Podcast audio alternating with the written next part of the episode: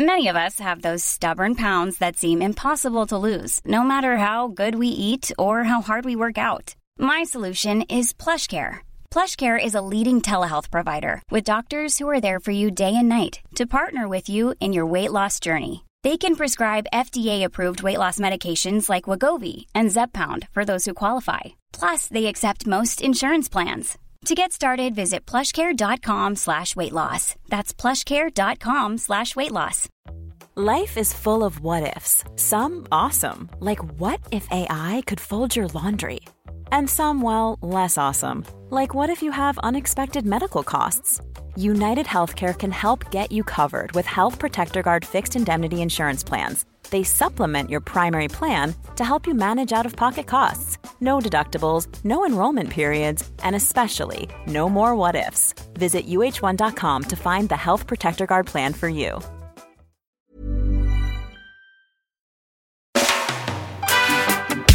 Och välkommen till Eventen på Katastrofen. Jag heter Kalle Zackari! Wahlström. Va? Jag sitter ju och lyssnar i högtalaren. Jag måste sätta på Det blir väldigt mycket inspelning här, Kalle. Helvete. Ja, nu får du ladda om för den där fina introt. Hej och välkommen till Eventen på Katastrofen. Jag heter Kalle Zackari Wahlström och med mig har jag Patrik Sellman. Hej Patrik.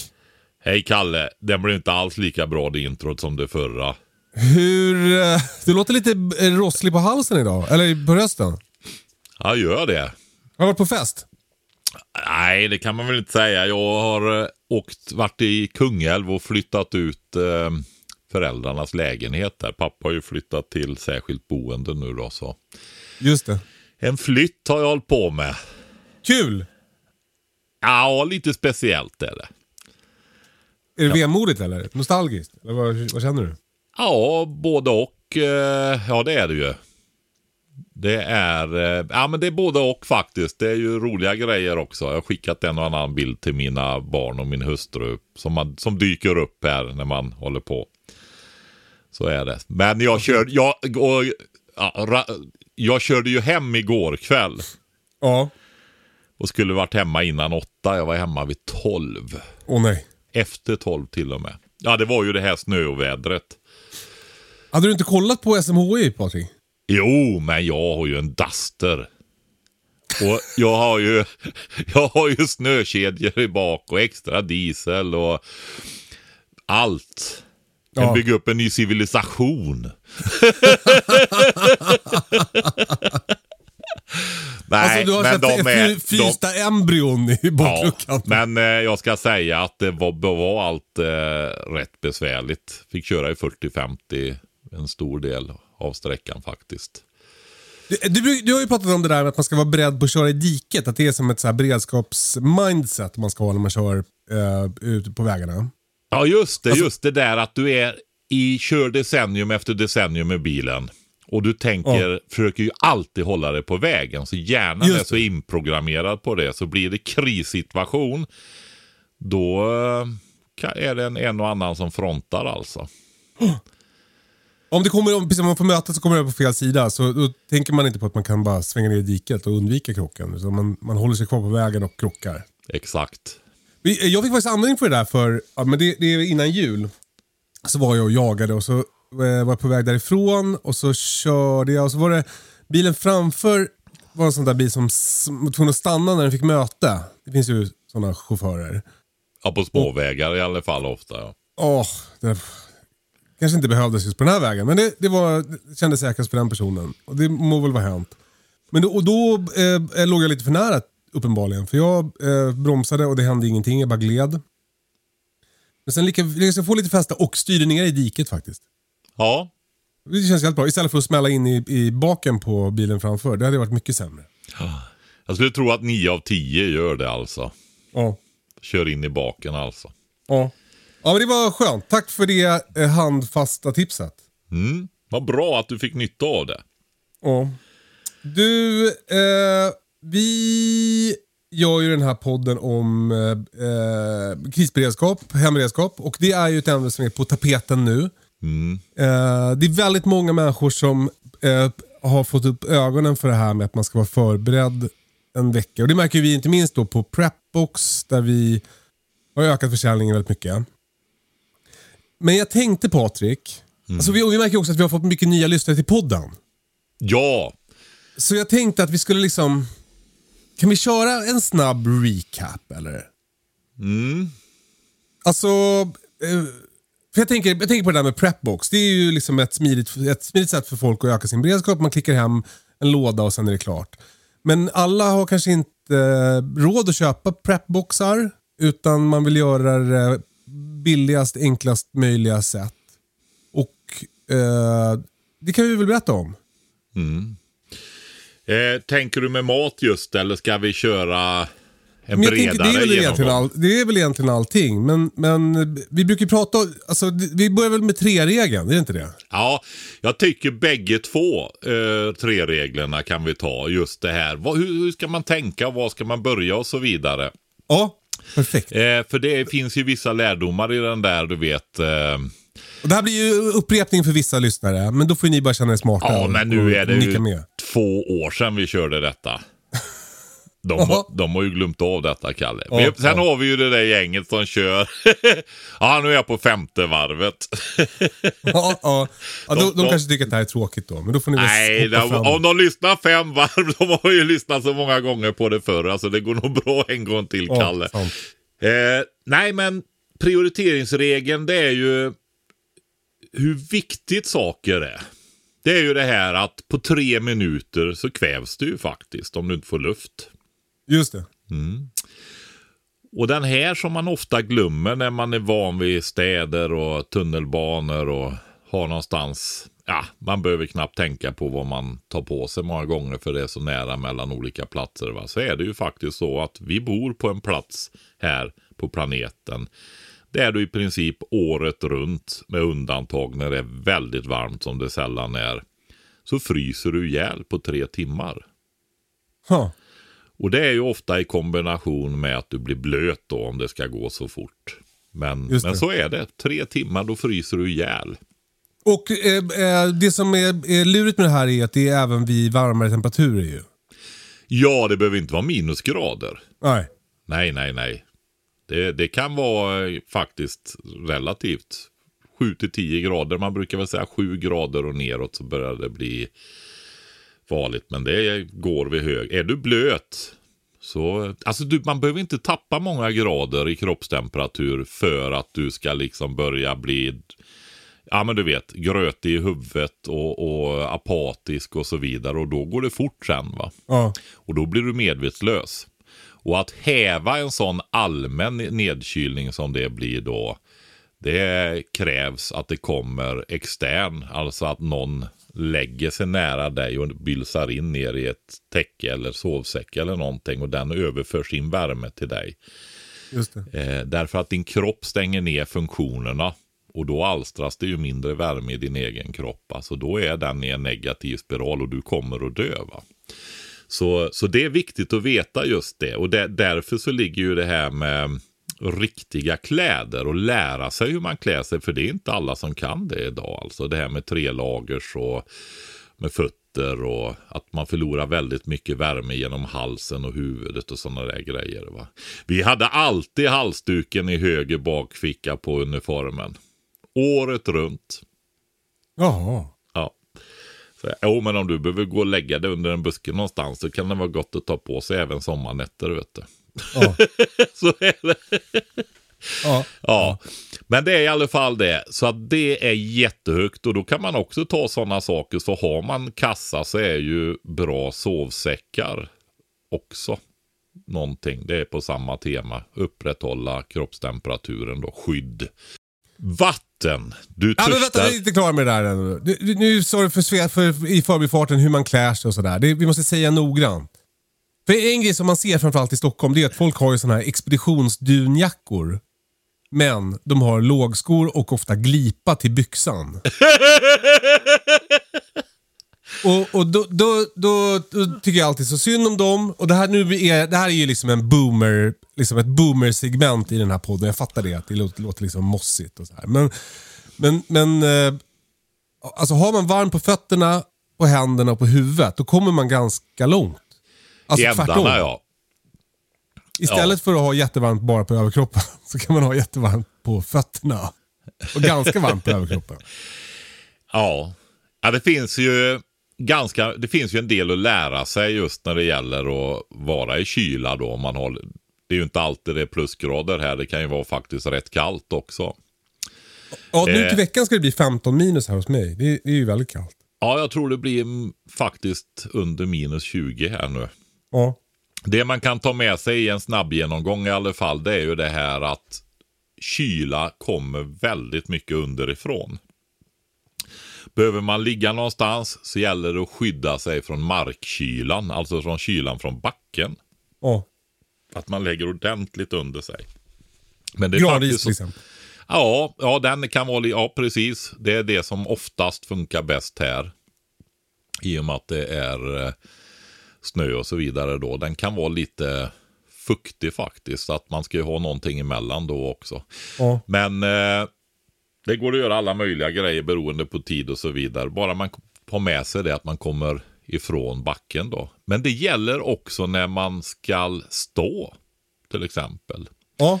när du har skor på dig och så vidare, att du helt enkelt tar ner granris och ställer dig på granris också. Så får du inte det här att du får kalla fötter lika fort. Då. Just det.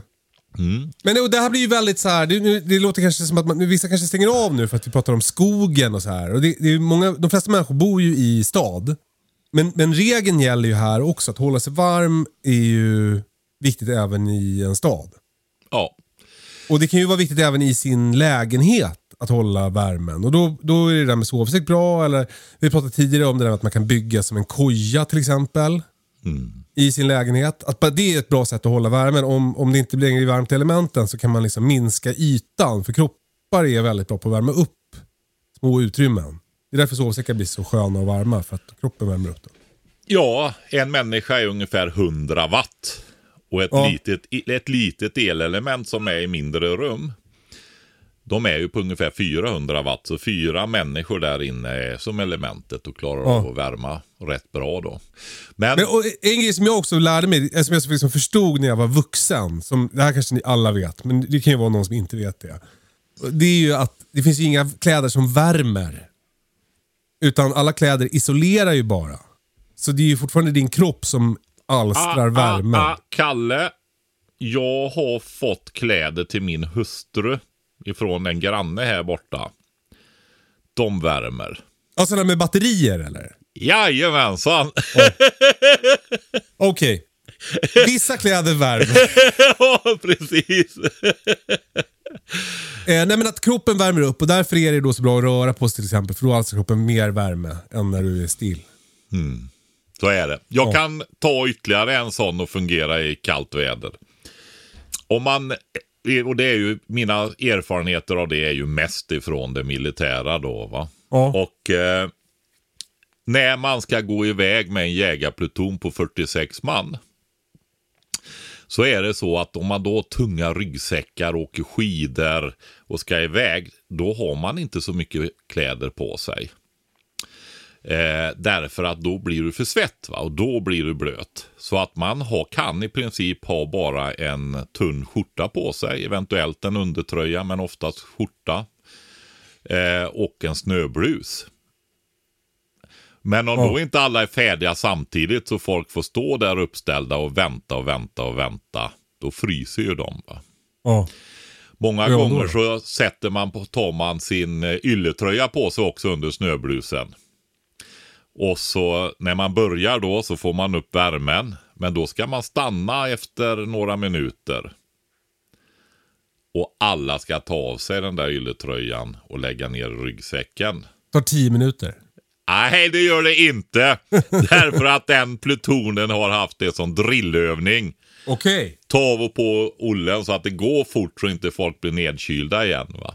Just det. Så det är ehm, ehm, viktigt. Alltså, nu tappar Ja, jag men det är viktigt att klä sig lagom så att man inte Ja blir för men varm. precis, exakt, exakt. Och att du blir nedkyld. Alltså just det, det var det här du tog upp med att röra på sig. Det var det jag kopplade det till. Att du blir väldigt varm om du jobbar hårt, går, bär och så vidare, åker skidor och på längden. ja det blir det även på utför. Men att man har lagom med kläder då. Men Ja. också att när du slutar så blir du ju kall jättefort då. Va? Så att det gäller att hålla sig i rörelse i sådana fall. Va? Eller ha det som man kallar för förstärkningsplagg då. Va? En överdragsjacka eller någonting sånt. Just det. Och det är, alltså, ni, eh, jag, mina erfarenheter kommer inte från det militära eftersom jag eh, var emot lumpen på den tiden. Men, men jag, eh, eh, jag jagar mycket och det där med att ha en, en lätt fluffig jacka nedtryckt i ryggsäcken som blir stor som en handboll när den är ihoptryckt men eh, isolerar jättebra. Det är ju ovärderligt att ha vid pauser och sånt.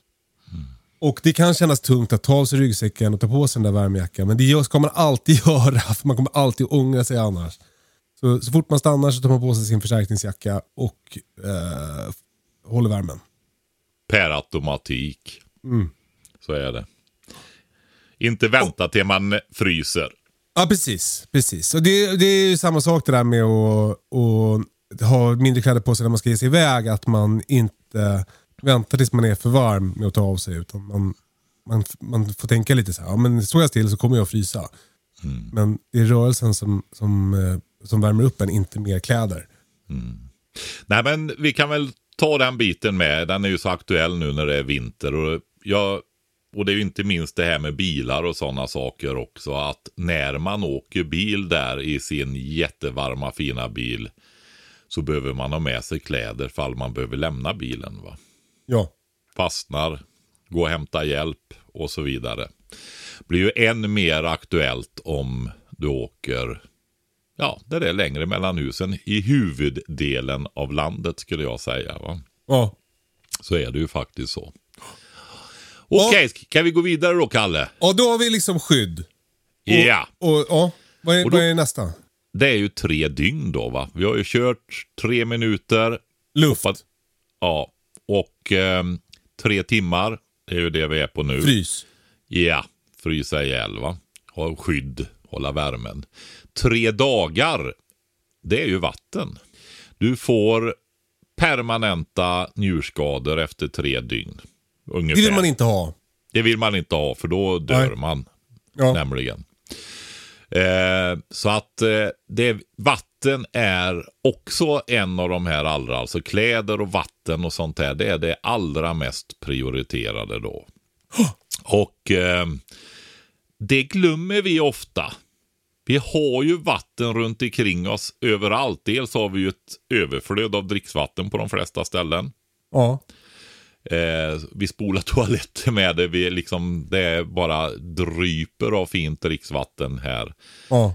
Eh, och det är ingen självklarhet kan jag säga i en del delar av världen då. De vill ju Nej. inte ens dricka sitt kranvatten utan köper flaskvatten och sånt. Det Kan det vara så att vi är sämre på att tänka på vatten av den anledningen? Ja, men det är ju det, det är därför jag belyser det så noga. Va? Och, och sen har du den andra biten här. Folk förstår väl liksom att det kan bli fel med kranvattnet och att det kan ta slut.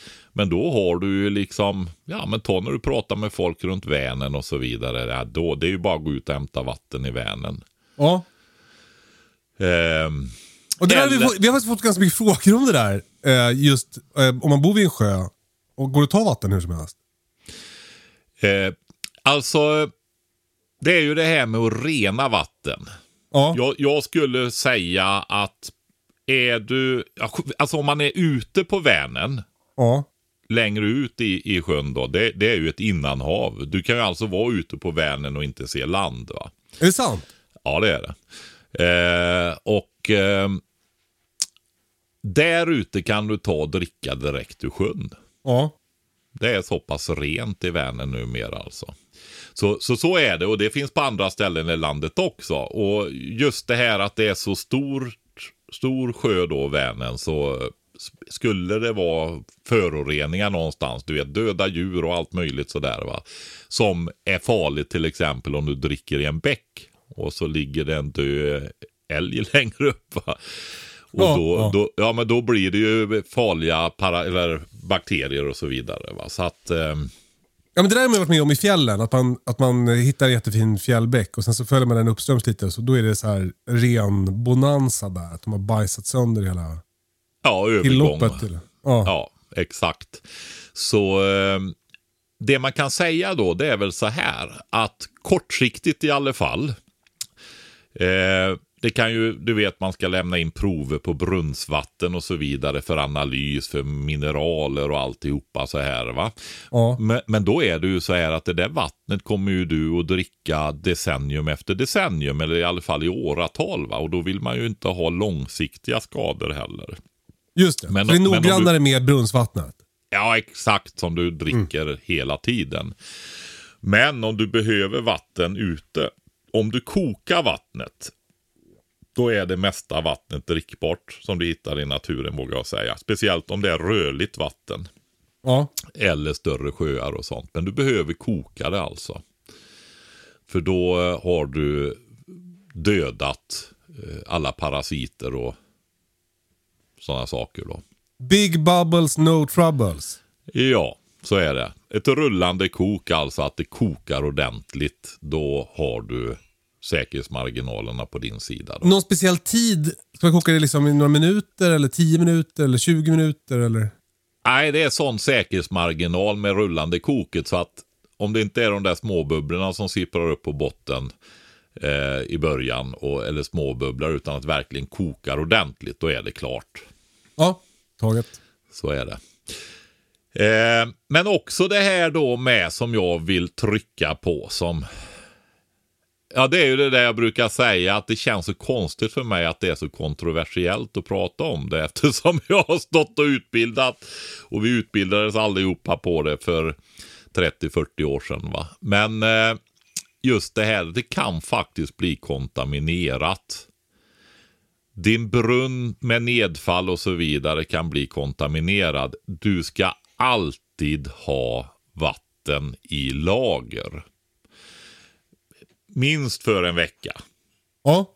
Och då är det fem liter per person i hushållet och till dina husdjur då. Och eh, har man mycket husdjur och så vidare, ja då får man ju ha IBC-tankar och sånt va. Eh, men är det en familj då så kan man köra med fem liter per person. Så en 20 liters dunk det är ju en dygnsdunk till en fyra personers familj då. Och därför att det är ju så allvarligt om du blir utan vatten. Förutom att det är otroligt jobbigt att vara så törstig som man kan bli va, när du inte får tag i vatten. Ja. Speciellt om du behöver anstränga dig och sådana saker. Och då dessutom så sjunker ju din prestationsförmåga enormt om du får vattenbrist också. Och är det någon gång man vill kunna Alltså, det är prestera liksom- så är det ju i krissituationer. Ja, det är det jag menar. I utsatta situationer så behöver du ju verkligen göra det. Eh, och det är liksom inte så att det sjunker 3% och man liksom så här knappt märker det, utan det är ju att stor del av din prestationsförmåga och uthållighet och så vidare försvinner vid vattenbrist. Då. Eh, Jag börjar nu tänka på en grej som du har pratat om tidigare som är det här eh, insats kontra risk kontra... Den ekvationen jag brukar nämna där, ja. Ja men exakt. Alltså hur dåligt blir det och hur billigt eller enkelt är det att åtgärda? Så i det här fallet då, hur jobbigt är det att ha några dunkar vatten i ett frostfritt utrymme? Eh, inte så jobbigt. Hur jobbigt blir det om du inte har vatten? Jättejobbigt. Och sen, i och med att det är så billigt att åtgärda och konsekvenserna är så allvarliga, så är ju risken lite sådär att ta hänsyn till. Hade Ja. det varit dyrt att åtgärda, ja då kanske man hade kunnat fundera lite mer kring risk. Eh, ska jag lägga mina resurser på något annat för att det är det är rätt allvarligt, eller väldigt allvarligt. Men risken är ju väldigt låg, bedömer man. Ja. Och det kostar skitmycket. Ja, men Alltså då bygga kanske, skyddsrum typ. Ja, då kanske man gör någonting annat. Va? Ja. Som, är, som är högre risk. Och eh, ja, man använder den formen helt enkelt för att prioritera vad man ska lägga sina resurser då. Ja. Men vatt, vatten är ju som du brukar säga en no-brainer helt enkelt. ja. Den är så billig att åtgärda också. Eh, och det här med att rena vatten med filter då? Då kan vi ta och väva in en annan treregel. Ja. Det är ju mitt i den här med, ett, egentligen har vi hoppat över tre sekunder, vi får väl ta den på slutet då. tre minuter, tre timmar, tre dagar, tre veckor, tre månader och så tar vi tre sekunder sen då. Det är ju den här prioriteringsregeln. Ju kortare tid det tar innan du får illa, ju noggrannare måste du planera det. Just det, tre dagar utan vatten blir dåligt. Ja, exakt. Men eh, då finns det något, en annan tre-regel som är redundansregeln och det är att man har reservgrejer helt enkelt. Och i och med att vatten är så pass viktigt så behöver man ha tre olika sätt att få tag i vatten. Det kan ju vara, kranvatten har du ju nu då, så den räknas också. Check. Men då, då ska du ha två till. Ja. Och det kan ju vara att du har lagrat vatten. Dunkar i jordkällan. Precis. Och sen kan det vara att du faktiskt har rekat en vattenkälla någonstans där det är rimligt att anta att du skulle kunna gå och fylla på dunkar och ta hem och koka hemma. Ja. Bra. Mm. Så um, skulle kunna vara att du bor du på landsbygden och så vidare och har lite uthus och sånt där så skulle man kunna tänka sig att du samlar regnvatten till exempel också då. Va? Mm. Men då kan vi också fylla på med det. Du ska ha tre sätt att få tag i vatten och du ska ha tre sätt att rena ditt vatten. Herregud. Börjar bli jobbigt, Kalle. ja, nej men då har du ju kokningen, den har vi ju redan tagit. Ja. Sen kan du filtrera. Och då är det så här, då vill jag ta det att det finns verkligen olika typer av vattenfilter. Och det är ju inte bara det att vara utan vatten är farligt och, och jobbigt och slå krokben på dig.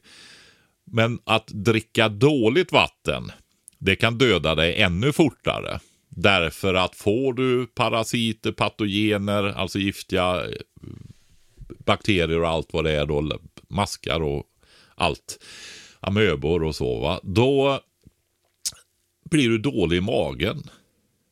Och du spyr och du får rännskita och så vidare. Då torkar du ut mycket fortare. va? Ja. Och ju mindre du är, alltså är du två år och liten, ett år och liten, fyra år och liten, då går det ännu fortare. va. Så om Ja. man barn är det extra viktigt. Så du måste rena vatten. Och då, då har vi sådana här filter. Du ska krypa ner, lägga dig på knä, stoppa ner i vattnet och suga upp vatten och dricka direkt ur källan. Och så ligger man liksom där då va. Fungerar det eller fungerar det inte? Ja, okej, det smakar ju rätt bra. Ja, du vet så här va. Så kan du Ja. inte hålla på. Det, skit i de filterna. Ja. Ett, ett av de mest kända filtrerna som finns är ju, är ju så. ja. Live Du är emot det? Ja, men vad, det hör du väl? inte bara att jag är emot det, utan det är ju korkat. Ja. Så kan man inte göra om inte Nej. filtret funkar. Hur ser jag att det är sönder och så vidare. Va? Just det. Ehm, Smakar det patogener nu eller smakar det... ja, det behöver ju faktiskt inte smaka något. Va? Nej. Så du är emot de filtrerna? Vilka filter ska man ha då? Ja, det är ju det. Vi säljer ju filter, Kalle. Jag är lite... Ja, jag får väl berätta om våra filter då. Det finns andra bra filter också. Jag kan inte komma på något, men det finns säkert. Jaha, ja. Nej, men du har ju, och det fin, finns, eh, finns en hel del bra filter. Det som man kan kolla efter är hur mycket renar de? Hur mycket klarar de av att rena? När du pratar beredskap eh, så kanske det är så här att det är också uthållighet på vattenfiltret, att det kan ta lång tid. Är du ute och vandrar i fjällen, ska vara borta en vecka och kan du ha en liten pump som klarar av att rena några hundra liter. Men eh, är man familj och ska vara på ett ställe och rena vatten, då vill man ju ha en, en hög kapacitet och hållbara filter och så vidare. Gärna kubikmetrar med vatten. Just det. Eh, och sen ska de rena bra. Det ska vara hög kvalitet på filtrerna. Ja.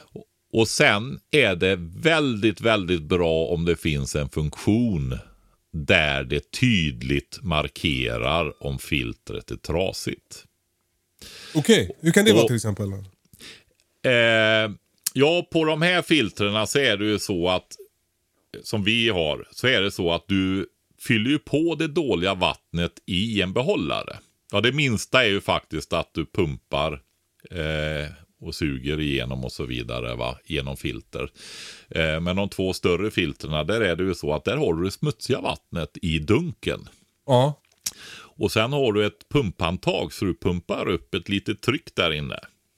Du har trycksatt vatten helt enkelt så som man har i husen. Ja. Så att du öppnar en kran så kommer ut vatten som har pressats igenom filtret. Och i och med om filtret går sönder, spricker eller någonting sånt där så kommer det in luft och då får du ett grumligt bubbligt vatten så du ser det med en gång. Smart. Ja, och eh, ja, det är en väldigt, väldigt bra funktion för du ska inte behöva vara tveksam på om filtret fungerar eller inte. Jag själv har ju ett annat filter som jag köpte för ganska många år sedan. Ett gravitationsfilter. Det är ju alltså två behållare, rostfritt. Så du häller ju på regnvattnet med fågelskit och grejer. kan man försöka undvika om det går. Ja, men har du takvatten som du samlar på så är det ju fågelskit på taken. Det Ja. går ju inte att komma ifrån. va. Så eh, häller du ju det i den övre behållaren och i botten på den då så står det ju sådana här stavfilter, keramiska filter upp. Och de är ju fastgruvade genom hål i botten. Så in i de här filtrerna och så rinner det ner och droppar ner i behållaren under där du har en kran du kan ta vatten då. Just det. Den där genomföringen där med packningar och grejer, hur vet du att den är tät då? Över tid och torkar och, eller ja, är det Och så ska vi vatten? isär och kolla eller? Ja, en del de menar ju att man kanske kan ta eh, karamellfärg eller någonting och titta om det blir rent Okej. på olika sätt. Men det, alltså, vad jag menar är att du kan inte lita helt och fullt på dem va? Och ett vattenfilter som inte går att lita på är väl helt meningslöst? Ja, det är det väl kanske inte om du inte har något annat. Men när man ändå skaffar så skaffa ett, eh, ett eh, ordentligt filter om du har råd. Och en grej som stressar mig lite med de där filtrerna det är att de har ett bäst före-datum. Ja, och eh, vad är det som kan fördärva den här typen av filter då? Som gör att det i det här fallet då kommer eh, syre med i hög utsträckning, eller luft. Och det är ju om du har använt filtrerna så är det ju vatten i dem. Ja. Och eh, vad händer med vatten när det fryser, Kalle? Expanderar. Det expanderar, det blir större. Yes. Så har du blöta filter, då spränger du ju sönder filtrerna. Och det gäller Så har jag gjort. Ja.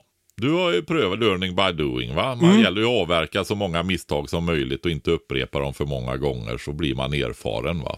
ja. eh, och eh, det gäller både de keramiska filtrerna och det är väldigt många utav de här små bärbara filtrerna är keramiska ja. som, som man kan köpa som har ganska sojer och liknande sådana då. Va? Så att är det så att du är ute i kyla på vintern, behöver förflytta dig en, en sträcka eller så till fots och ha med dig det där.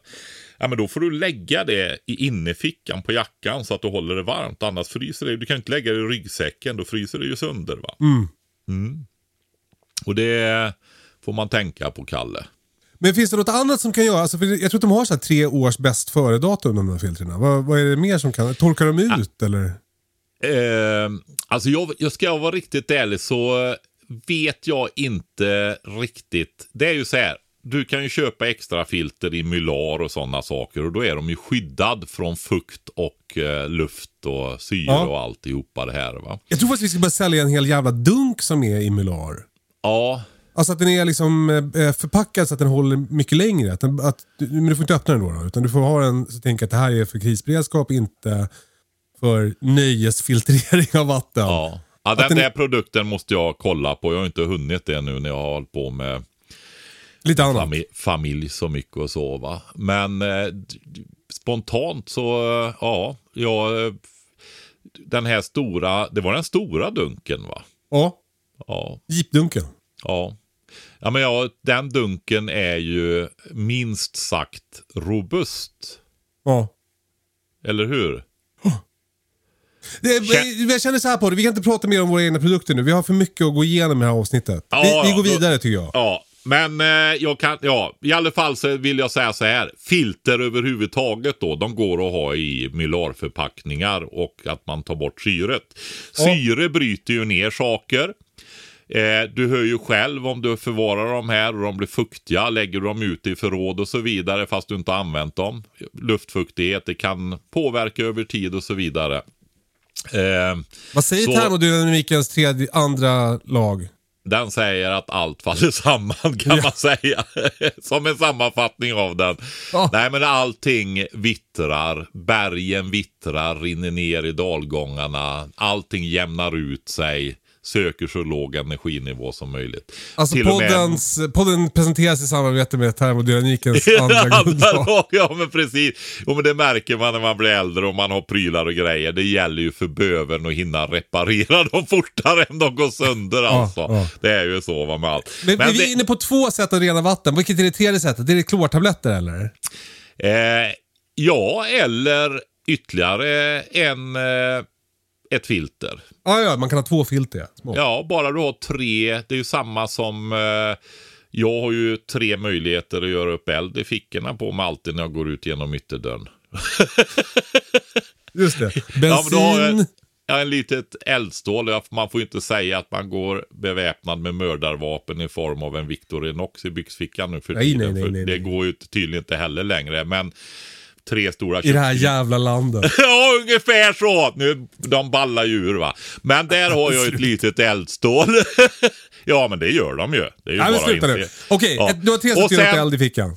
Ja, eld, eldstål i fickan och så har jag två cigarettändare. Det är ju två likadana då va. Ja, ja. Ja. ja, för det är lätt att tänka att det måste vara tre olika, men det ska vara tre sätt bara. Det behöver inte vara liksom... Tre möjligheter. Ja.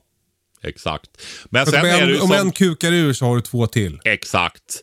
Men sen finns det ju som du sa eh, tabletter.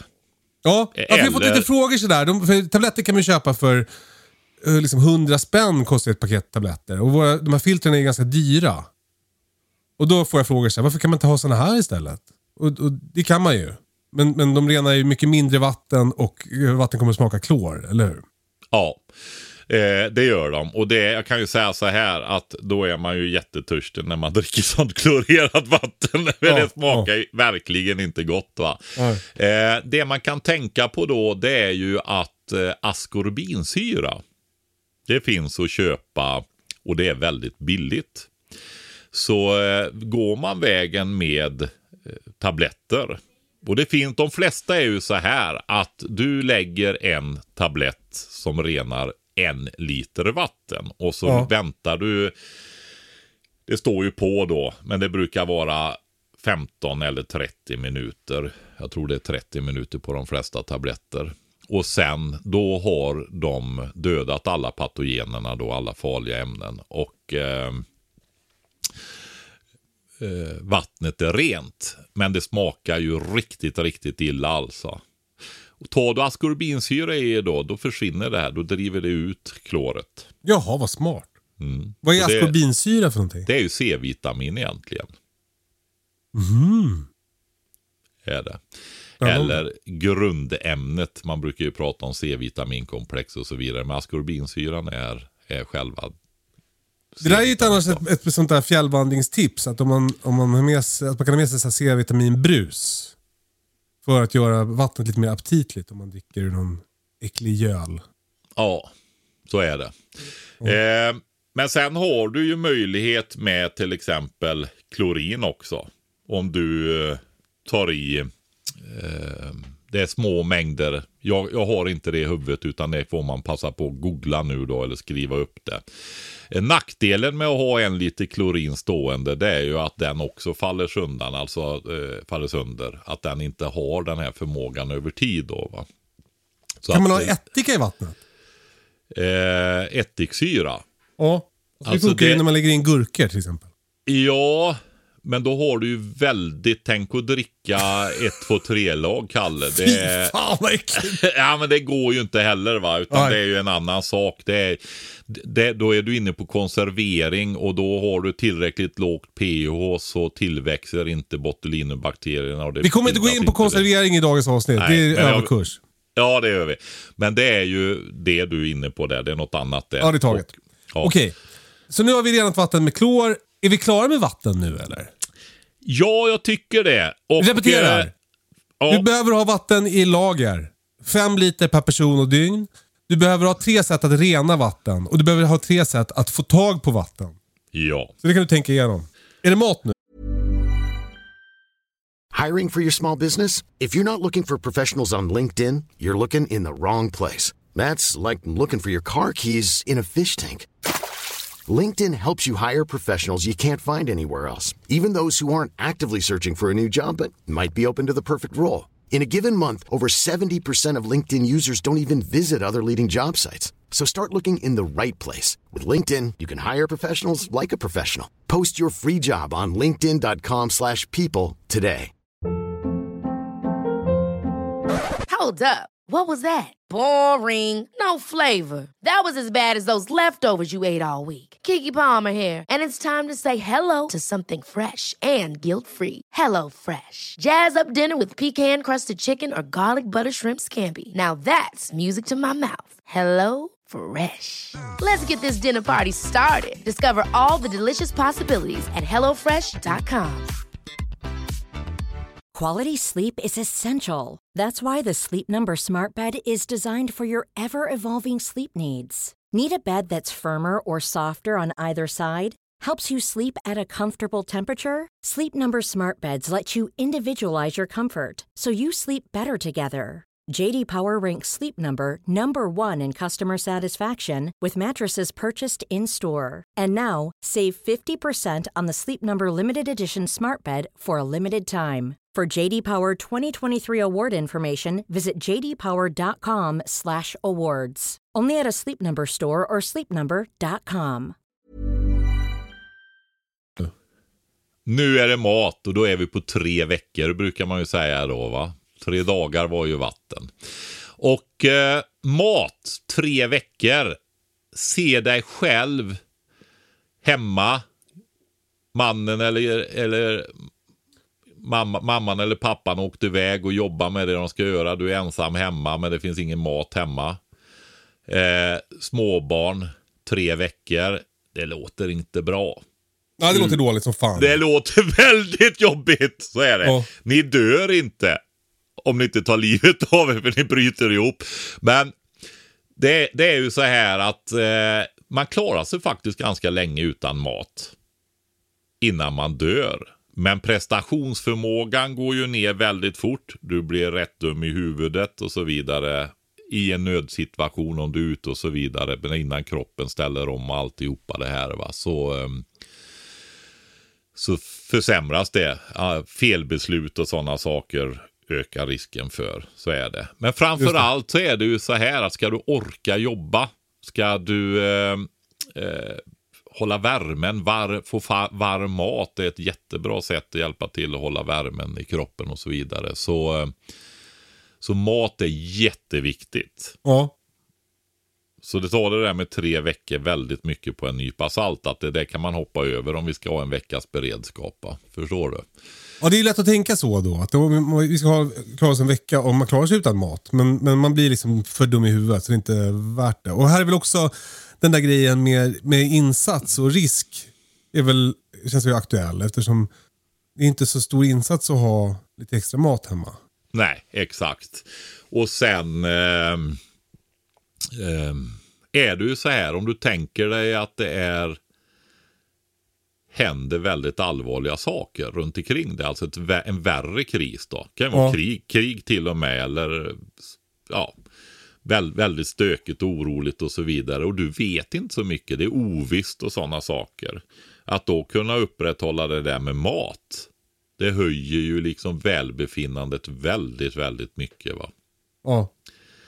Att, Och eh, speciellt om du hamnar i en situation där du måste evakuera. Ju. För det är en sak att sitta utan mat i en insnöad bil och bara sitta där i två veckor. Men att, att behöva flytta på sig och kanske bära barn och packning och att då inte ha ätit, det låter ju som en mardröm. Ja, så är det. Alla som är sakerna blir ju viktigare ju besvärligare situationen är kan man väl säga generellt sett då. Ja, ja.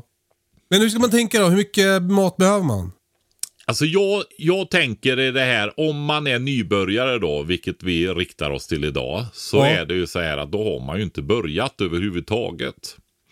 Och eh, man utgår ifrån att eh, man håller igång i sin bostad. Ja. Jag har ju ett grundtips för att nå den här första nivån. Och jag tycker att vi kan ta samma som staten har. Eh, de har ju tre nivåer på sin uthållighet. Då. Hur länge ska man klara sig? Alltså, hur länge ska en myndighet kunna bedriva sin verksamhet och då kanske när det blir längre tider den prioriterade allra nödvändigaste och det får man ju tänka i hemmet också då. Va? Men då är det en vecka, sju, alltså sju dagar, 30 dagar, 90 dagar. Och eh, man börjar med en vecka helt enkelt, eller två. Och eh, det gör du ju, ge, tänk om du veckohandlar. Ja. Då har du ju en veckas mat hemma. Klart. Eh, nu äter man ju kanske inte alla måltider hemma. Hela familjen. Och det kan ju vara så att det är precis det som behöver ske. Vi ska ju alla hjälpas åt att uppehålla samhällets fu- funktioner, hålla igång barnomsorg och alltihopa det här och skolor så att folk kan gå ut och vara sjuksköterskor och sopgubbar och bygga elnät och alltihopa det här och reparera. Eller vara poliser eller soldater eller läkare eller vad det nu är för någonting. Va? Hålla Eller igång influencers. Som du och jag. Ja, precis. Jag, jag, jag, jag ser mig kanske inte som en influencer, Kalle. Nej, jag vet, men jag det- tror det är du, att... nej, men jag skulle nog faktiskt säga folkbildare eller lärare eller någonting istället. Jag tycker inte jag är... Du lurar ingen Patrik. Nej, det kan hända. Jo, men alltså de som pratar om influencer, de räknar ju in mig i det. Men jag själv tänker inte så. Nej. Nej. Utan jag utbildar folk och tränar folk och så vidare. Just det. Alltså det influencer är lite som att vara en idiot. Det är kanske inget man säger att man är själv, men om andra säger att man är det så är man det. Ja, idiot. Nej, alltså du är en influencer. Ja. Ja, förlåt. Nej, men Eh, jag- Man måste kunna upprätthålla de eh, viktiga funktionerna i samhället. Det, må, det måste vi hjälpas åt med. Ja, men precis. Och eh, en veckas mat eh, får du genom att veckohandla. Men i slutet på veckan så har du ju inte en veckas beredskap då. Är du med? Och affären kan vara stängd, eller det kan vara så att det inte finns någon mat i affären för att alla har varit Exakt. där och handlat. En modell för att få det här att funka då. För att täcka upp det här frukostar och så vidare så är det ju ofta ganska enkla grejer. Hur mycket havregryn, cornflakes och så vidare behöver du för att ha en eller två, veckor, två veckors eh, frukostar. Va? Det är inga jättemängder som står längst in i skafferiet där. Nej. Eh, och om du då går iväg och handlar för den veckan, du handlar alltid en vecka i förväg. Ja. Så det är måndag och du handlar, ja då handlar du för nästkommande vecka. Och den Alltså du har så, alltid en vecka, men du, och sen veckohandlar det så att du har för två veckor. nej, du handlar för den eh, veckan som är om en vecka. Som börjar Jag om förstår, en jag vecka. kanske rörde till det mitt för, Ja, ja, du, ja, det gjorde du. Men den veckan som du börjar på måndagen, den handlade du ju för en vecka sedan. Just det. Ja, Man ligger steget före. För då har du ju alltid en vecka framför. Och då kan man ju tänka när man handlar för den där veckan som ligger en vecka bort. Så eh, köper du ju färskvarorna, mjölken och det som är för den närmaste veckan då. Va? Just som det. du behöver. Det som inte har så lång hållbarhet då. Då har du ju helt plötsligt minst en veckas beredskap och ofta två. Ja. Är du med på det? Oh, smidigt. Så är det bara. Och så kompletterar man med lite reservgrejer då. Eh, extra. Torrvaror håller ju väldigt länge. Och det kan vi ju säga också då, just det med förvaringen där. Det är ju det här med, eh, som många har råkat ut för, att man får mjölmask och sådana grejer. I mjöl och, och andra sådana. Lägg dem i burkar. Och eh, sprid dem i flera burkar. För får du i en dag, ja då kanske du inte får i allihopa. Va? För de kan inte komma in i burken. Just det. Så, är det, så, så det är bra. Eh, Men om man inte, jag vill bara säga då, om man inte är en sån som veckohandlar. För det, det finns ju många människor som inte är riktigt den typen av människor. Utan man handlar kanske lite mer ad hoc. På Ja, uppstuds. Precis. Finns det något, hur ska man tänka då? Kan man, alltså för jag tycker att det känns liksom, för mig då som kanske inte har den, jag har liksom inte en så här tydlig veckohandlingsgrej. Men däremot så är det lätt för mig att åka och köpa sjukt mycket pasta en gång i månaden. Mm. Nej, men- Ja. Det är ju så. Du kan eh, tänka på två sätt skulle jag säga. Det ena är ju liksom att du köper lite mer utav de här grejerna som håller väldigt länge. Ja. Eh, och det är ju torrvarorna. Och fördelen med dem också är ju att de oftast är väldigt energirika. Och det kan vi väl också säga i ett nybörjaravsnitt då att svält, det är kaloribrist. Det andra är näringsbrist. När du inte får tillräckligt med järn och så vidare. Va? Men eh, svält, det är att du får för lite energi, kroppen börjar bryta ner sig själv, stänga av funktioner och så vidare. Va? Så Ja. det, det är eh, väldigt allvarligt. Näringsbrist är också allvarligt, men det är ofta över tid mer. va. Just det. Svälta kan man börja göra relativt fort då. Ja. Och, Så det är eh, kalorierna man vill åt? Ja, i, i det korta beredskapsperspektivet i alla fall så är det ju det. va. Ja. Så de, det, det är botten, det är betongplattan, det är basen. Och ehm, det, det har du, vi kan säga så här, allt som tillhör den kategorin i princip kan man säga är sånt som skulle gro och växa.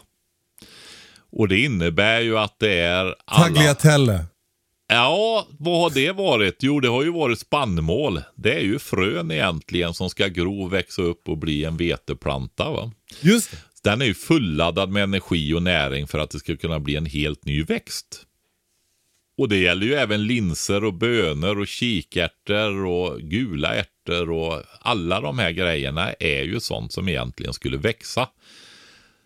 Förstår du? De är Men ju jag- fullknökade helt enkelt. Jag orkar inte med ditt, den här, den här woke-menyn Patrik med linser och bönor. Om man är, jag är lite, kör lite mer carnivore diet. Hur ska man tänka då? då?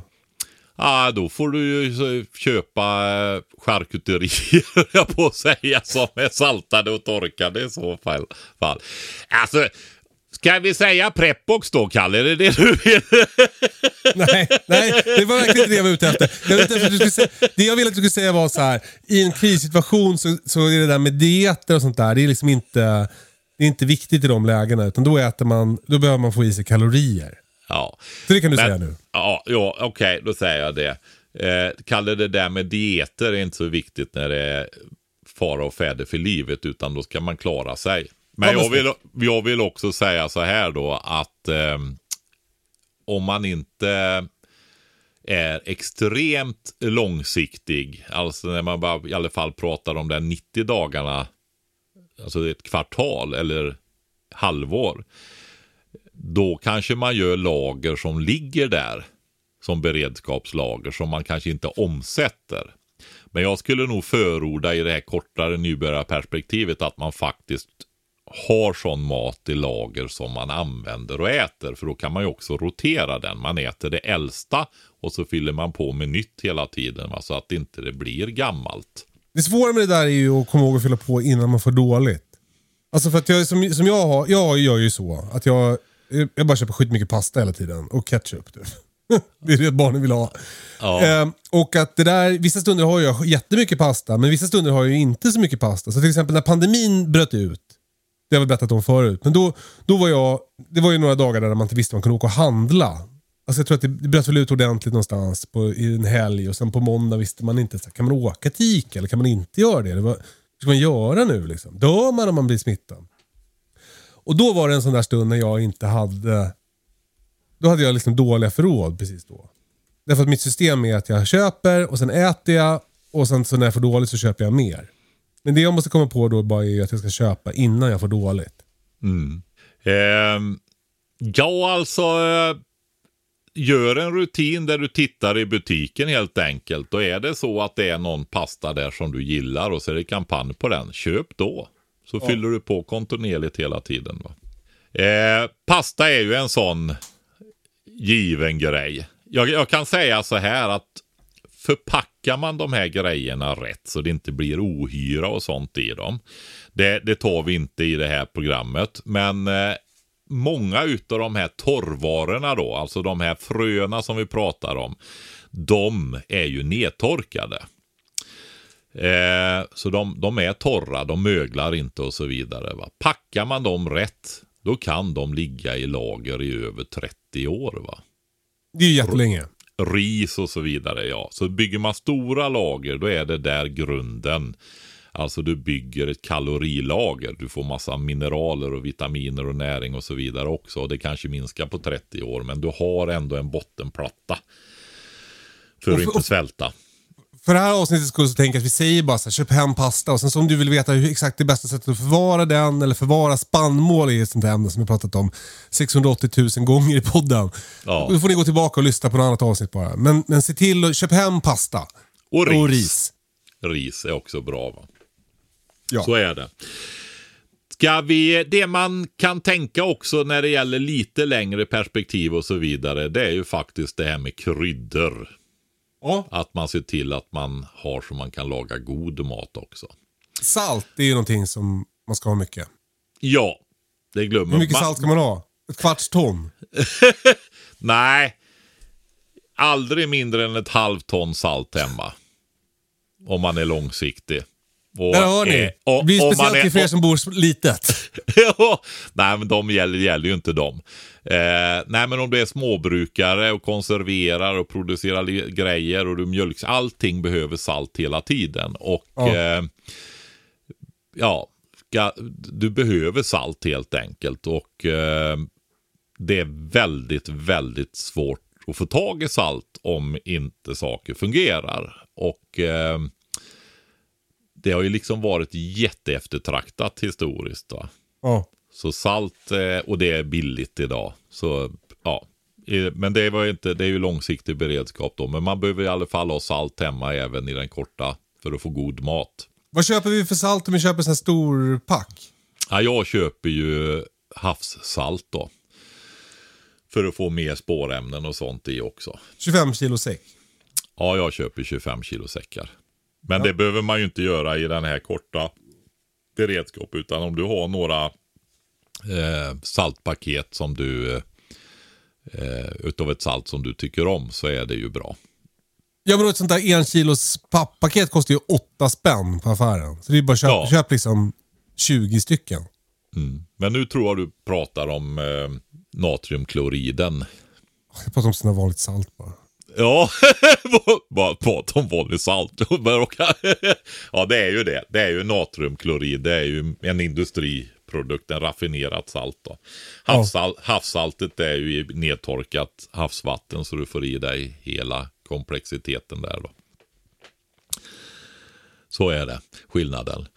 Ja, men ska vi lämna maten Kalle? Eller ska vi? Jo, men jag tycker ändå vi ska nämna våran produkt. Vi har ju fixat fram det här för att det är bra grejer. Ja, ja. Ja. Vad säger du? Jo, vi har ju satt ihop tryck på knappen-lösningar för att göra det enkelt. Och vi har mjukkonserver. Det är alltså som en konservburk med en färdig rätt i fast den är i kraftig sån här mylarplast då. Som gör att den är lite plattare och mjukare och inte är så kantig och hård. Och det här är ju ganska god mat vill jag säga också. De flesta i alla fall. Ja, det är det. Det, det får man nog säga. Och eh, den har en hållbarhetsstämpel på ett par år ungefär. Men den håller ju, den blir inte farlig när hållbarhetsdatumet går ut. Utan det är ju mer en kvalitets, eh, att den har de näringsämnena och smaken och det som man förväntar sig när man köper produkten. Då. Just det. Men den har inte den här gigantiska eh, hållbarheten då. Men då är ju fördelen istället den att eh, du har vatten med i den. Vatten kan ju vara en bristvara va. Och eh, då eh, är det ju bra att den redan är där. Behöver inte bära med extra vatten. Det gör att de också går att äta kalla de här rätterna. De är liksom klara. Det, det är mycket Ja, men det är också om du tänker en sak som vi inte har nämnt som man också behöver ha ganska tidigt skede när man höjer sin beredskap. Det är ju faktiskt oj, vi måste lämna vårat hem nu. Polisen kommer eller civilförsvaret som inte riktigt finns än kommer när det finns. Så säger de det att eh, ni måste lämna bostaden. Ni har 15 minuter på er. Då är det väldigt skönt att ha en förberedd väska som, eh, som man bara kan grabba och ta med sig. Som man verkligen har tänkt igenom. Och då kan Ja. man ju ha den här maten där i. Just det. Vi säljer faktiskt en sån ryggsäck också ju. Ja, det gör vi. Men, Eh. men eh, man kan också göra en egen. Ja, precis. Eh, och då är ju de här, har ju den fördelen att de är färdiga. Du behöver inte ha extra vatten för att laga maten.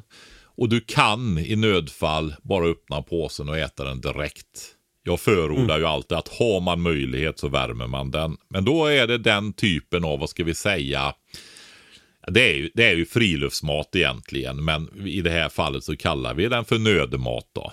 Ja. Eh, då finns det ju värmepåsar, sådana som soldaterna använder. Där du tillsätter lite vatten i påsen och då bildas det massa värme, så värmer du upp maten så. Den det är någon kemisk grej som reagerar med vatten. Ja, precis. Så den möjligheten finns också. Och eh, Men eftersom Hur- du ändå måste ha ett sätt att koka vatten hemma så kan du lika gärna värma den i... om du, ha- Du behöver om ha du har- med det också väl? Ja, helst ska du ju ha det därför att du behöver ju ha en möjlighet att, att rena vatten. Alltså koka vatten, det ska man ju alltid kunna göra. Just det. Eh, det ska du ha i bilen med egentligen, möjlighet att koka vatten. Va? Därför har du vattendunk med dig för att du fastnar i en snödriva i ett dygn. Eh, då kan ju den vara frusen.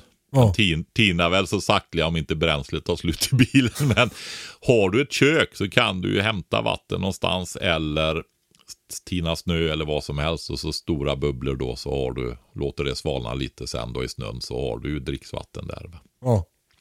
Så det ska man ju alltid ha. Eh, Vi säljer Men- också eh, eh, mat med ännu längre hållbarhet ju.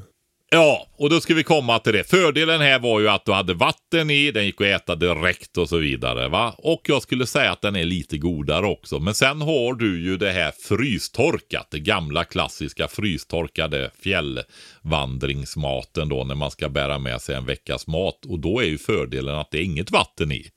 Det är lättare. Då är det lätt ja. Och du kanske kan plocka i fjällbäckar efter vägen och koka och rena och så vidare. Va? Så, så då har du den. Men den absolut största fördelen med frystorkat är hållbarheten. Alltså, vad, vad står det på vår? 25 år är det på våra. Ja, Jag tror att det är 27 år från produktionsdatum som de här...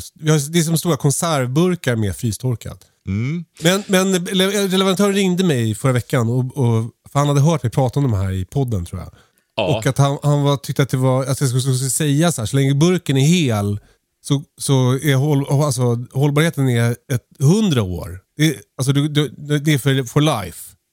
Men, men man får bara garantera då 25, 27 år från produktionsdatum.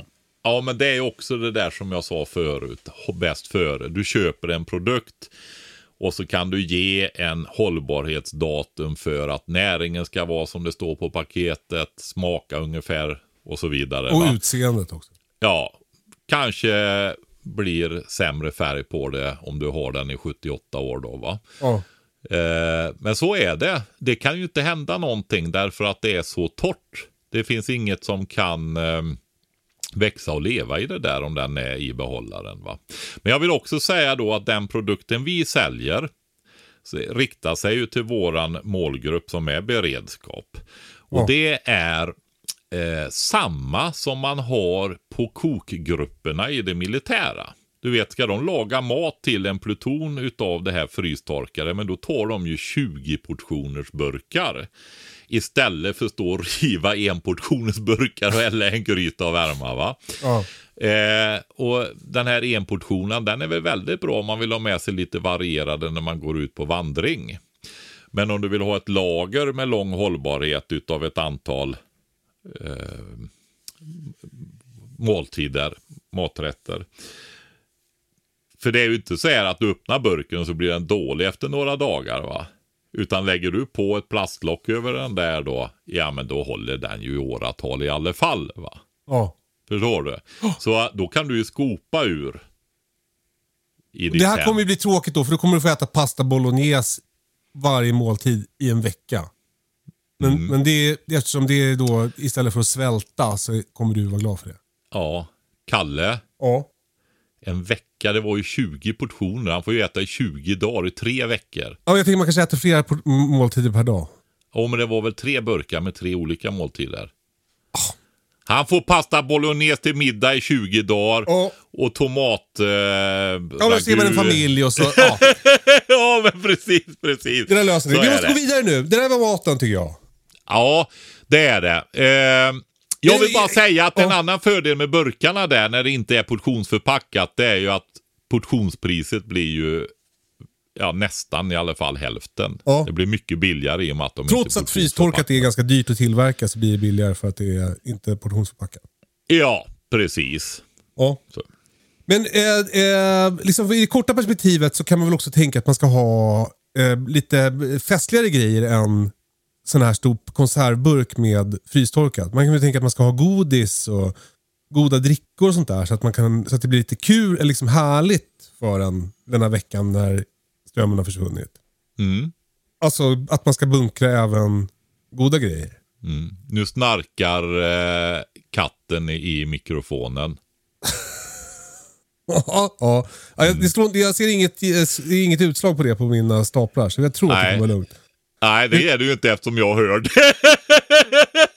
men låt den ligga inte- kvar. Det är lite Ja. charmigt, Kalle. Det går bra. Ja, ja, Det var mer en kul grej om någon undrar vad det är som låter. ja, ja, ja, ja. ja, det är katten som snarkar. Det är inte min mage som kurrar. Nej, precis. Eh, men så att man ska, och du har ju också sagt, alltså den där, det, är- det är Brittas favoritberedskapsgrej eh, som du har sagt. Att om, alltså i det långa perspektivet så ska man ha möjlighet att göra en tårta. För att man kan ju vara så att man också måste fira födelsedagar eh, i en krissituation. Mm, Och att man då ska ha möjlighet att kunna göra en tårta. exakt. Ja. ja, det om det. Det var mat. Nästa grej. Eh, fan, vi kommer inte hinna alla grejer Patrik. Men vi, vi får bara, eh, det där med att koka vatten har vi varit inne på. Man behöver kunna ha ett sätt att koka vatten. Eh, någon typ av spritkök eller gasolkök eller en sån där hobo stove som man kan elda med små pinnar.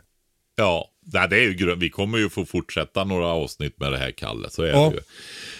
Eh, Men jag tycker ändå vi har hunnit ganska långt. Men vi har inte tagit det här med ehm, tre månader och tre sekunder. Ska vi avrunda med det snabbt? Ja, ja gärna. Ja. Tre månader, det är att det är väldigt svårt att klara sig över tid utan gemenskap för de flesta människor. Det finns ju människor som åker och bor i skogen i decennier och så vidare, men de är väldigt sällsynta. Ja. Så eh, vill man fylla på efter tre veckor med mat där till tre månader, då är det faktiskt gemenskap. Eller kärlek om man vill då. Och tre Ja. sekunder, det är så här att det, det finns lite olika där också. En del tycker det är fjantigt och så vidare. Men jag tycker inte det. Därför det är om du ger upp, släpper du taget i en utsatt situation, Ja. då dör du väldigt fort. va. Och ja, vill du hårdra det då just för att den här ramsan ska stämma. Hänger du på en klippa och ser du upp så ramlar du ner va. Ja. Du ger upp, så är det ju va. Eh, sen kan ju du ge upp i livet tidigt och så leva 50 år till. Det är ju en annan sak det va. Just det. Men om du till exempel då har kört i diket och är på väg mot hjälp och så går du och så slutar du gå, då kommer du att frysa ihjäl. Du lägger dig i drivan. Ja. Så fortsätt Vill- alltid framåt. Exakt. Ja. Ge aldrig upp förrän det är över. Och herregud, vi har inte pratat om transport, vi har inte pratat om Nej, uppvärmning av vi- hus, vi har inte pratat vi- om du- kommunikation. Nej, men du har inte, vi har inte gått in på hemskt vis. Nu tog vi ju eh, tre reglerna där, Kalle, idag. Just det. Så det är ett, ett annat sätt. det. Det får vi göra nästa gång. Du, eh, eh, tack för det Patrik. Vad, nu känns det skönare tycker jag. Mm. Eh, innan vi slutar idag så ska jag berätta att eh, den här veckan är podden sponsrad av eh, en av våra favoritaffärer. Eh, affärer. Ja! Där vi köper eh, eh, pannlampor, ficklampor, eh, powerbanks, eh, eh fast belysning. Allt sånt där eh, elgrejs. Eh, då är Val så jävla bra. Och jag, jag, om ni liksom följer oss i sociala medier så vet ju ni att den bästa pannlampan som finns är Luminite Compass R. Eh, och har du inte redan en sån så, så då tycker jag att du ska köpa en sån på Valstore. Vi har också en rabatt rabattkod den här veckan. Uh, men det är, inte en, äh, förlåt, det är inte en kod, det är en länk. Så ni får gå in på vår Instagram, eh, uh, Invänta katastrofen och där kommer vi att länka från profilsidan. Om man klickar på den länken så, så kommer man då till affären och kan handla eh, till, fan jag kommer inte ihåg hur mycket, många procent det är nu. Kan det vara 10 procent eller? Vänta ska se om jag kan hitta det.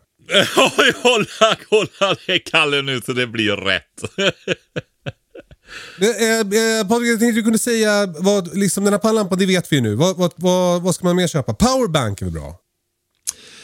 Ja, det är det. Och sen är jag, alltså, jag själv, jag har ju eh, två system eftersom jag är långsiktig i min beredskap också. Jag kör ju där har jag ju, då ligger det sjukvårdsväskor och så vidare. Men till vardags, alltså där, där kör jag med nickelmetallhydrid, du vet jag uppladdningsbara dubbel A, trippel A och så vidare. Ja. Och det finns också på Valostor. Men Valostor har ju framförallt det andra typen av system som vi har. Och det är det vi använder hela tiden när vi bor på landsbygden. Det är ju eh, pannlampor är ju framförallt. Men vid varje ytterdörr så sitter det också en eh, vanlig litiumbatteri ficklampa. Så det sitter en i köket, det sitter en till höger om sovrumsfönstret på övervåningen. Så man kan grabba den och ha ljus direkt om man vaknar på natten och det är kolsvart och så vidare. Men sen sitter det också en, så behöver du rusa ut så kan du alltid grabba en.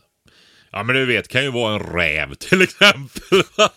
Nej men Ja. om det är stök ute och det är rovdjur eller vad, ja, vad som helst. Det kan ju Ja. vara i allvarliga situationer och annat med. Så kan du alltid grabba en ficklampa där som är fulladdad va. Ska vi lyxa till och säga vad du har för ficklampa? Är det en O-Light Seeker eller? Ja, det är Ja, en, det var eh, det. Ja, det är det. Ja. Det är den jag kör med som standard. Det är bra att ha. Det kan man väl tänka på också, speciellt om man ska vara flera. Vi som är lite långsiktiga är ofta så här att man kanske ska vara flera som kommer och träffas och hjälps åt på en plats. Om det är möjligt.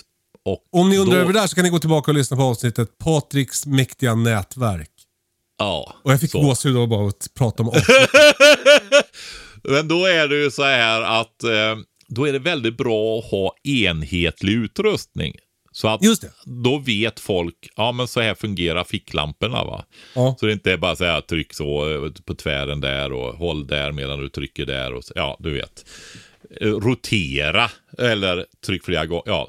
Ja. Då vet alla exakt hur ficklamporna fungerar. Va? Då blir det smidigare. Och det gäller inte bara ficklampor utan det gäller ju allt att man försöker ha enhetlighet. Det finns ju en anledning till att man har det i militära förband också då. Att man har Jag blir samma så, utrustning. så jävla stolt när eh, barnen, alltså jag har ju en, en fyraåring och en sjuåring, när de har tagit på sig pannlampor själva och gått ut. Då ty, blir jag, tycker jag alltid så jävla mäktigt. Då vet att det funkar, då kan de dem. Liksom. Och vet Ja. de hittar dem och sådär. Exakt. Och det, så har vi ju genom den som vi använder till vardags. Där sitter det ju pannlampor på laddning också då. Så det är bara att grabba en pannlampa när man ska gå ut och hämta ved eller i eh, kvällsrundan på vintern för att ge vatten till djuren och sånt där. Ja. Eh, ett annat tips bara, eh, som, som jag tycker är svinbra från Valostore. Det är en batteriladdare med fyra platser som, som laddar i princip alla batterier. Alltså du- eh, dubbel A, trippel A, de här stora 18650 som är i pannlamporna.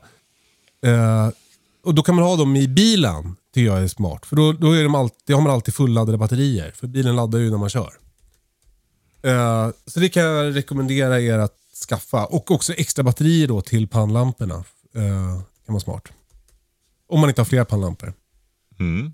Eh, ja, eh, då ska se. Jag har inte fått något svar på hur mycket rabatt det är tyvärr. Men jag, jag skulle tro att det är 10%. Så om du går i tanken att köpa någon, någon eh, pannlampa eller batteriladdare eller extra batterier eller eh, fast belysning eller växtbelysning har de nu för tiden också faktiskt. Och det är sådana tider är det ju verkligen nu. Eh, Så eh, gå in på Instagram, klicka på vår rabattlänk så får du 10% när du handlar på Valostore. Ja, men då kan jag säga att du har fel, Kalle. Jaha. Om den gäller, den du skickade till mig här på sms, så är det 15% rabatt. Kolla! Vilken glad överraskning. Ja. Det, är inte, det här är inte uppgjort kan jag säga, utan så är det. Ja, då så. 15% på, på eh, eh, grejer på valostore.se. Det var väl fint ordnat av oss? Ja, det tycker jag. Ja. Det är ju folk som har frågat just, ska ni ha någon kampanj där? Jag sa att det kommer efter helgerna då. Och det är ju nu det. Och eh, eftersom vi är kända för att leverera det vi har lovat, så levererar vi nu. Alltså det var ett Ja. skämt. Vi är jättedåliga på att leverera det vi har lovat. Men det här har vi fixat. Eh, ja, men då så. Tack Val och stå för det. Generöst. Mm, det har du tycker något mer Patrik? Eh, ja, det har jag. Det har jag.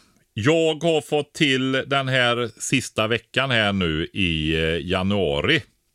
Så är... Eh, jag kan berätta för dig, Kalle, att Bredared, strax söder om Borås som vi nämnde där. Jag la ju ut det på Instagram och de har ju också haft kurser så jag förmodar att de har skickat ut mail till de som har gått de här studiecirklar och sånt där nere tidigare.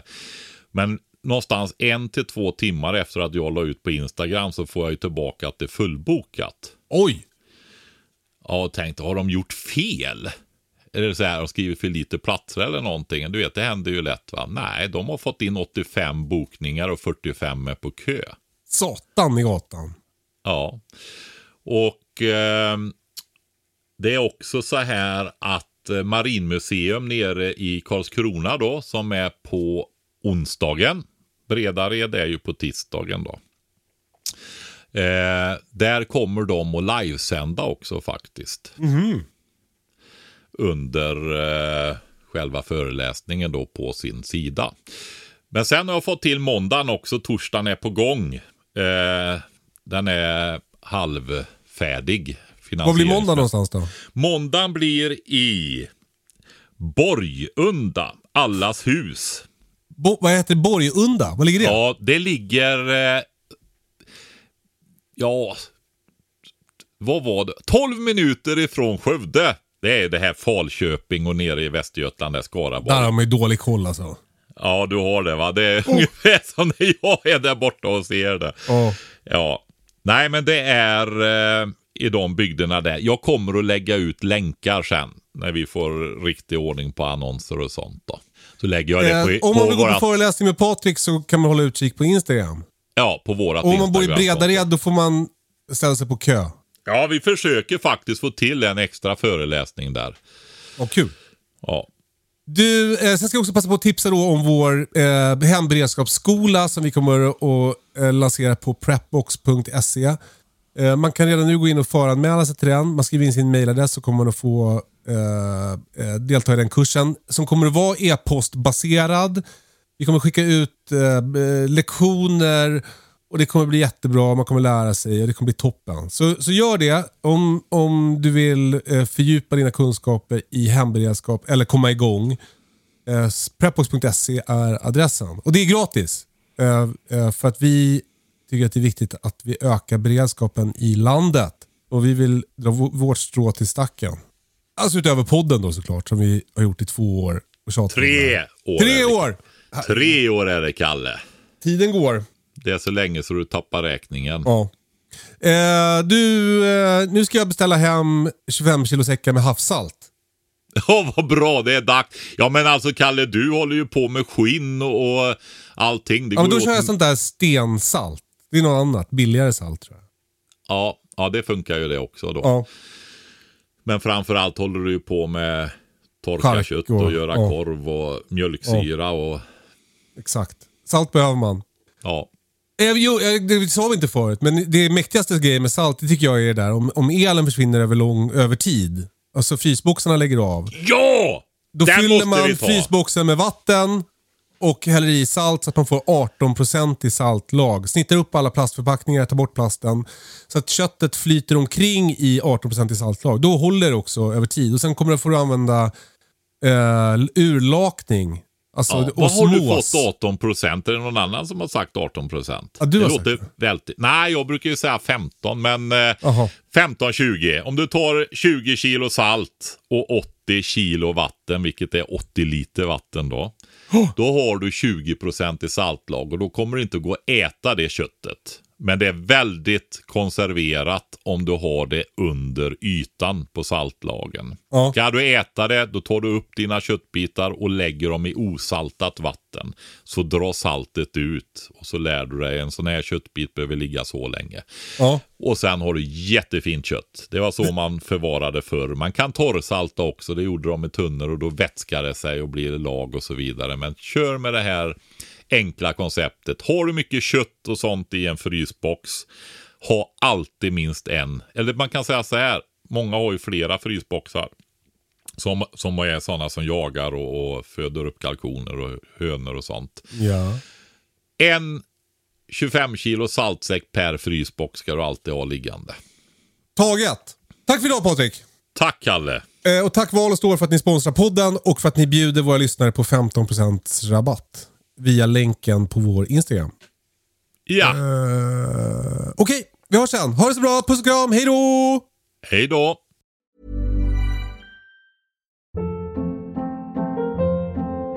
Hold up. What was that? Boring. No flavor. That was as bad as those leftovers you ate all week. Kiki Palmer here, and it's time to say hello to something fresh and guilt-free. Hello Fresh. Jazz up dinner with pecan-crusted chicken or garlic butter shrimp scampi. Now that's music to my mouth. Hello Fresh. Let's get this dinner party started. Discover all the delicious possibilities at hellofresh.com.